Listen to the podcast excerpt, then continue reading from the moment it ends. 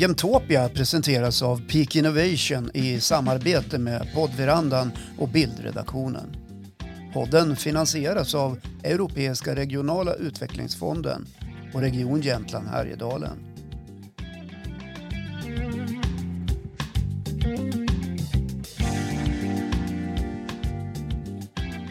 Välkomna till Jämtopia där vi idag har en gäst som har så långt CV att jag inte riktigt vet vart jag ska börja ärligt talat. Från att ha varit med och byggt upp industrikoncernen ASEA ABB till långvarig VD på SEB och därifrån till flera internationella positioner, bland annat inom Världsbanken som chef för IFC, International Finance Corporation. Välkommen Lars Tunnell. Tack så mycket. Trevligt att vara här. Supertrevligt att ha dig här. Välkommen också till Håkan Lundqvist, producent och radioprofil.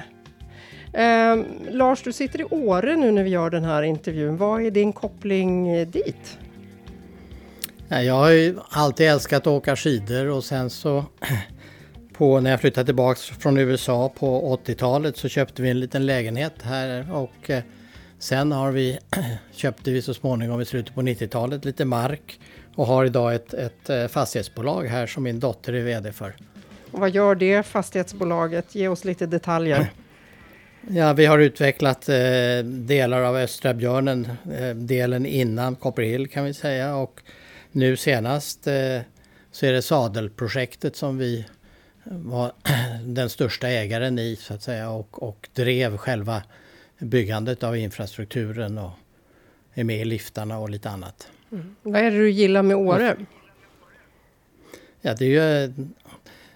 Framförallt var det ju skidåkningen, men det är som man säger i USA att, att eh, man kommer till ett ställe för vintern men man stannar för sommaren. Man lär sig mer och mer hur fantastiskt det här är året runt. Eh, jag är uppe nu i september, jag är uppe hela månaden här. Delvis eh, har trevligt och delvis jobbar lite. Mm. Du är ju i 70-årsåldern men du har verkligen inte slagit dig till ro. Vi ska återkomma till Åre och Jämtland alldeles strax. Jag vill höra lite mer om dina internationella engagemang först. Eh, bland annat i Afrika då. Eh, Afrika eller Africa Risk eh, Capacity. Vad, vad är det för någonting? Ja, du kan säga att, att jag jobbade ju, när jag kom till, om vi börjar med Världsbanken, så eh, kom jag då till International Finance Corporation som är den som, del av Världsbanken som stöder Eh, den privata sektorn. Och där tyckte jag att det största eh, stället där vi kunde göra störst skillnad och skulle fokusera vår verksamhet var Afrika. Så att jag, vi lyckades bygga upp en ganska stor verksamhet eh, där. IFC är ju ganska stort. Vi investerade cirka 20 miljarder dollar om året när jag lämnade. Så att, att, men, och då fick jag ett väldigt intresse för, för Afrika. Och sen efter det så när jag lämnade IFC så blev jag ombedd av African Union att, att hjälpa dem att starta ett försäkringsbolag mot naturkatastrofer där länderna kunde försäkra sig. Och det gjorde vi med hjälp av satellitteknologi och vi startade ett försäkringsbolag som låg på Bahamas som återförsäkrar sig i de internationella försäkringsmarknaderna och på det sättet kunde vi få dit eh, eh få hjälp mycket snabbare än vad man normalt kan där de måste när det ska komma bidrag från säg Sida och andra. Mm. Utan vi kunde betala ut direkt när vi såg att det var skörden hade gått fel helt enkelt. Och eh, då fick eh, skolbarn mat eh, eller mjölk och, och kossor fick någonting att äta. Och vi hjälpte miljontals människor och det där är nu ett ganska många länder i Afrika som är försäkrade i. Man kan ju säga då att du har eh, arbetat ganska många år med utvecklingsländer och eh, praktisk hjälp vid naturkatastrofer. Och det här med naturkatastrofer är ju tyvärr ingenting som vi kommer se mindre av. Vad, vad är det som lockar dig med det arbetet? Nej, men det är ju så enkelt som att vi har en klimatkris och, och eh, har man som jag barnbarn så funderar man ju mycket på hur vad händer egentligen och vilken värld ska de leva i? Och, och samtidigt som jag sa, man uppskattar Åre och Jämtland och sett naturen och värdesätter naturen så eh, har jag ju tyckt att en del man kan hjälpa till med är ju dels eh, naturligtvis fattigdomsfrågan men allt mer också klimatfrågan. Eh, det är liksom en av de saker som, som verkligen driver mig. Vad, vad gör du idag? Vilka engagemang har du kvar? Ja, dels har jag kvar eh, naturligtvis som vi pratade om tidigare Åre och, eh, och fastighetsbolaget här som utvecklar mark och, och tomter. Eh, så det är ju en viktig bit. Men sen har jag ett antal eh, företag som jag har, försöker hjälpa, startups. Jag bestämde mig för att lämna när jag flyttade tillbaka till Sverige 2015 att lämna de stora styrelserna och ägna mig åt istället entreprenörer. Försöka hjälpa entreprenörer och särskilt då inom energi och vattenområdet som är det som jag har fokuserat på med mina investeringar. Sen gör jag några andra saker. Jag har ett, ett mindre företag som heter Ergostone här uppe i Åre som, som har utvecklat en väldigt spännande produkt baserad på täljsten från Handöl eh, för, för, istället för vetekuddar. Eh, lite olika sådana saker. Jag har något företag i Afrika som jag hjälper. Och sen har jag, är jag med i rådgivande styrelsen för Unicef på, på global basis. Det är väl ungefär det jag gör. Ja, just det.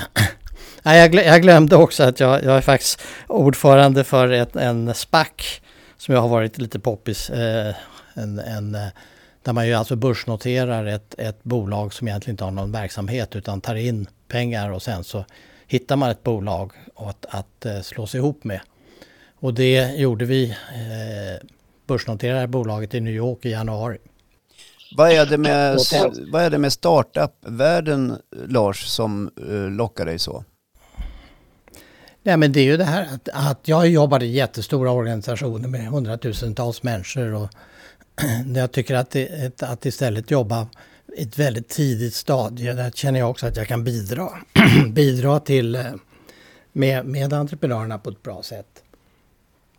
Så det tycker jag är jättekul. Det blir hands-on ordentligt och man kommer nära miljön och mikromiljön och människorna. Så det tycker jag är skojigt. Mm. Och jag tror att jag kan bidra lite också. Så du har dels det här SPAC där det är, det är riktigt stora pengar och listat på Nasdaq om jag inte har fel. Precis, ja. Nasdaq i New York. Ja. ja. Och, och, där är det, vilka summor är det vi pratar om där? Ja, vi tog in eh, ett, eh, 150 miljoner dollar i, i, när vi börsnoterades och sen nu så eh, för några, någon, i augusti så tillkännagav vi att vi, vi eh, ska gå ihop med ett tyskt bolag som håller på med snabbladdning av för elektriska bilar. Och då tog vi in ytterligare 150 miljoner dollar. Mm. Så även där är det egentligen miljö och energi som är den, den röda tråden ja. kan man säga. Ja, SPACen heter European Sustainability Growth Acquisition Corp. Och hela idén var att försöka hjälpa europeiska företag att få eh, pengar till, till, eh, och få tillgång till den amerikanska kapitalmarknaden där kan säga, pengar är billiga för, billigare för, för eh, mindre företag. Mm. Om vi, vi går till din egen då, din, dina egna investeringar i, i startups, eh, bland annat då i, i Jämtland. Hur jobbar du då? Liksom? Hur, hur springer du på de här företagen? Är det de som vänder sig till dig eller hur, hur går det till? Det, det, är lite olika. Just det företaget eh, och också ett annat företag som jag håller på med har faktiskt kommit via E14 som är ett litet investeringsbolag som vi har eh, Eh, varit med och, och, startat här. Som hela, det heter E14 för man investerar mellan Trondheim och Sundsvall.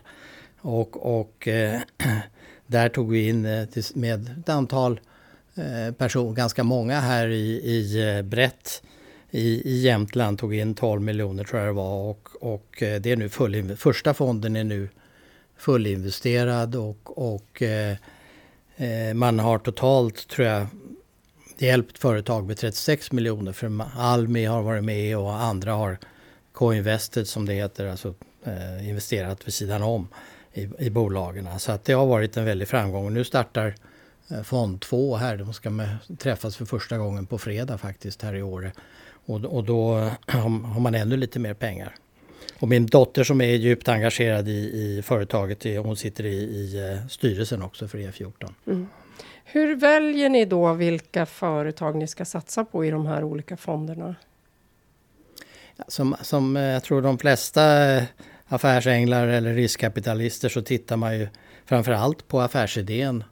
Eh, finns det en affärsidé som man tror på? Går Finns det en produkt eller finns det en, en, en eh, ett sätt eh, att man ska ta sig fram till en produkt och tror man att, att den här eh, Eh, produkten går att skala eh, så att den blir, företaget kan växa. Eh, och sen så är det naturligtvis alltid en fråga om entreprenören också. Är det, är det människor man tror på? Kan de klara av det här?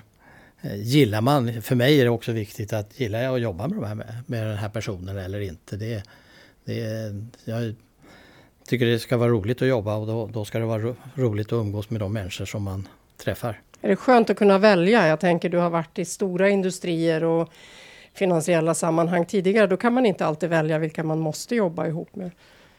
Nej, det blir en lyx när man blir lite äldre. jag kan tänka mig det. Och vilka egenskaper gillar du hos entreprenörerna? Nej, men alltså det, det är ju framförallt drivkraften, analysförmågan, att få saker och ting gjort.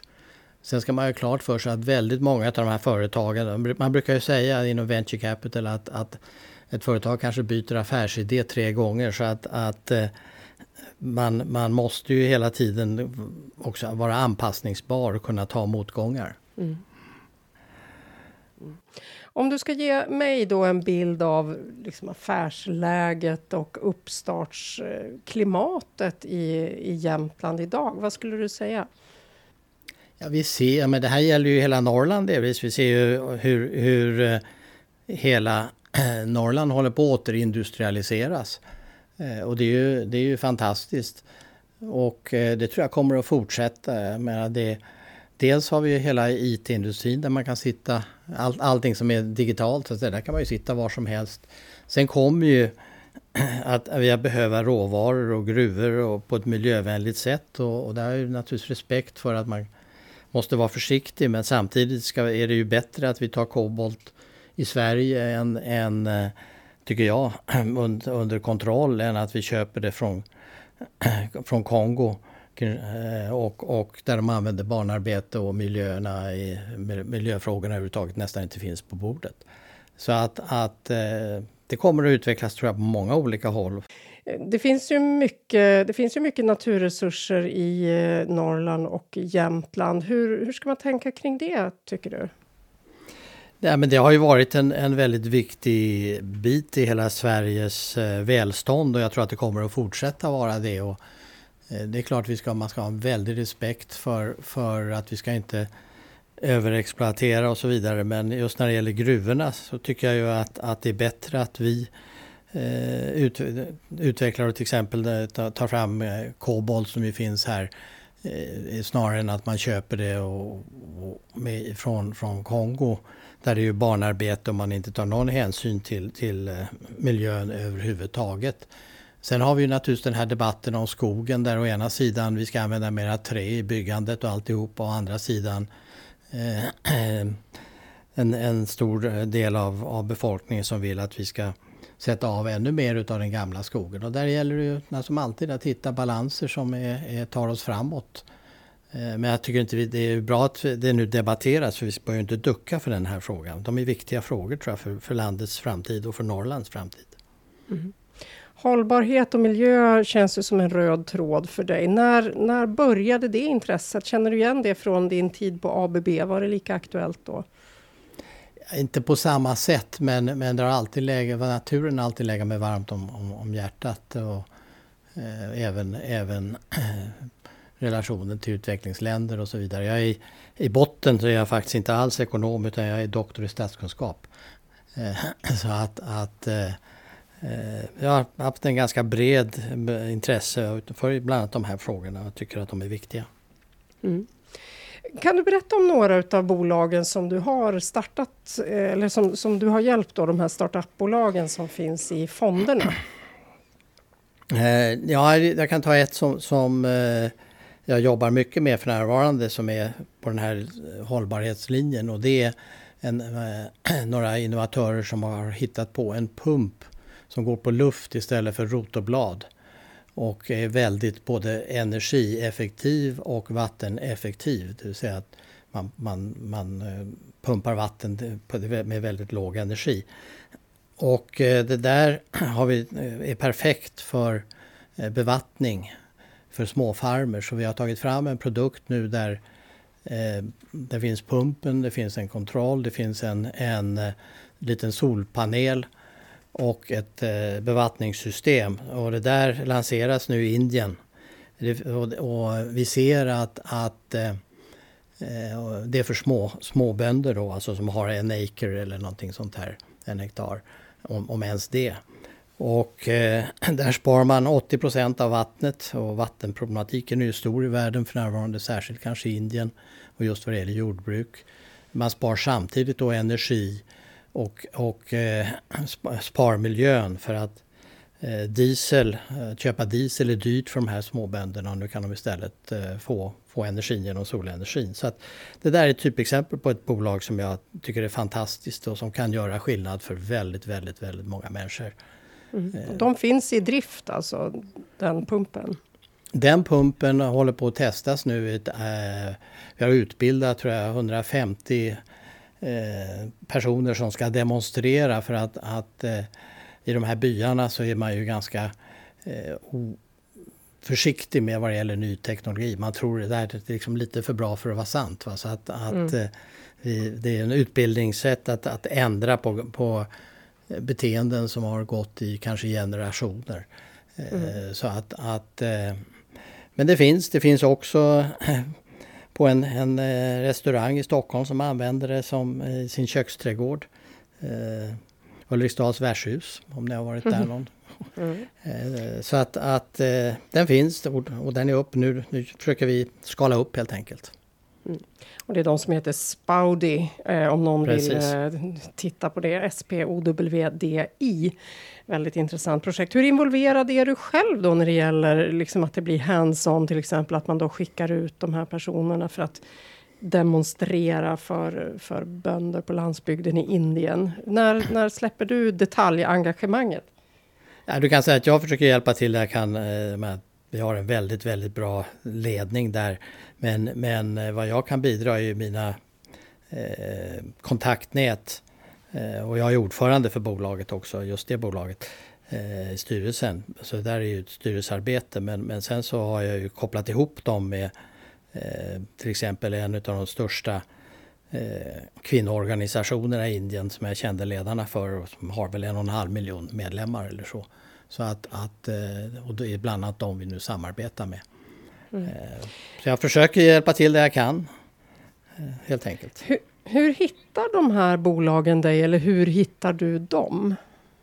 det, är, det är väldigt mycket eh, bara rena händelser. Man kommer i kontakt. Det är ett nätverk. Man känner folk.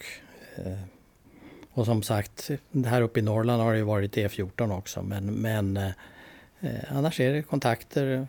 Och ibland, nu, nu får jag rätt mycket förslag också bara över LinkedIn eller per mail eller så. Men det är sällan att, de, att det funkar utan det, det, det är mera direkta eller indirekta kontakter. Mm. Vad krävs om någon, om någon lyssnar på det här nu och känner att så här, Åh, min produkt eller min startup passar perfekt in i, i det här tänket. Vad, vad krävs om man vill närma sig dig nu? Ja, då kan man ju skicka ett message på, på LinkedIn.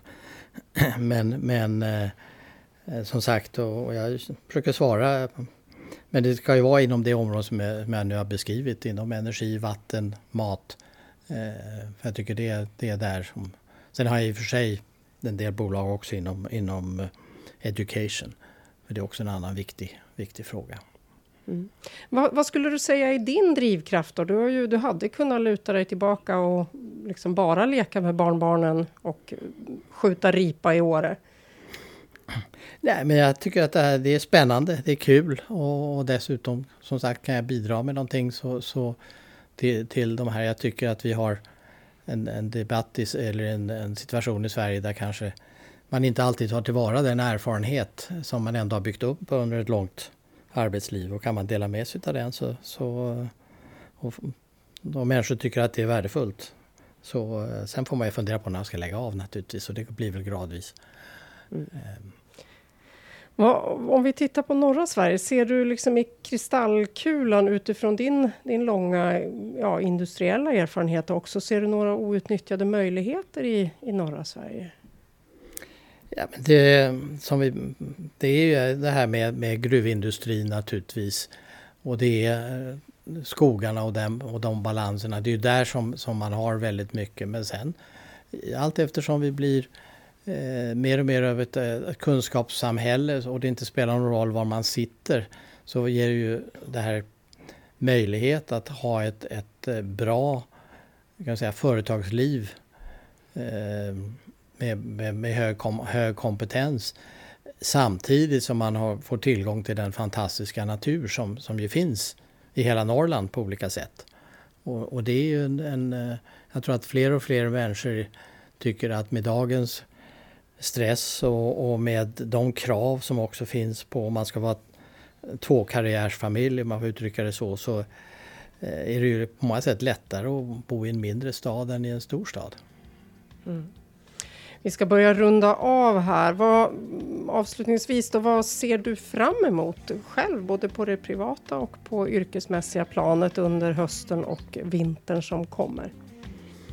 Jag ser fram emot att eh, både min dotters man och min, min eh, son som också har ett, just fått ett barn eh, ska vara eh, pappalediga här i, i vår och då förhoppningsvis kunna vara här under skidsäsongen och här i Åre och, och både jobba lite grann men också vara med dem och få åka lite skidor.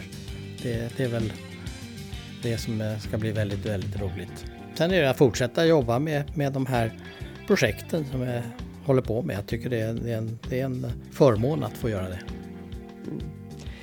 Tack så jättemycket för att vi fick ha med dig här i Jämtopia, Lars Tunnell och tack också till dig Håkan Lundqvist.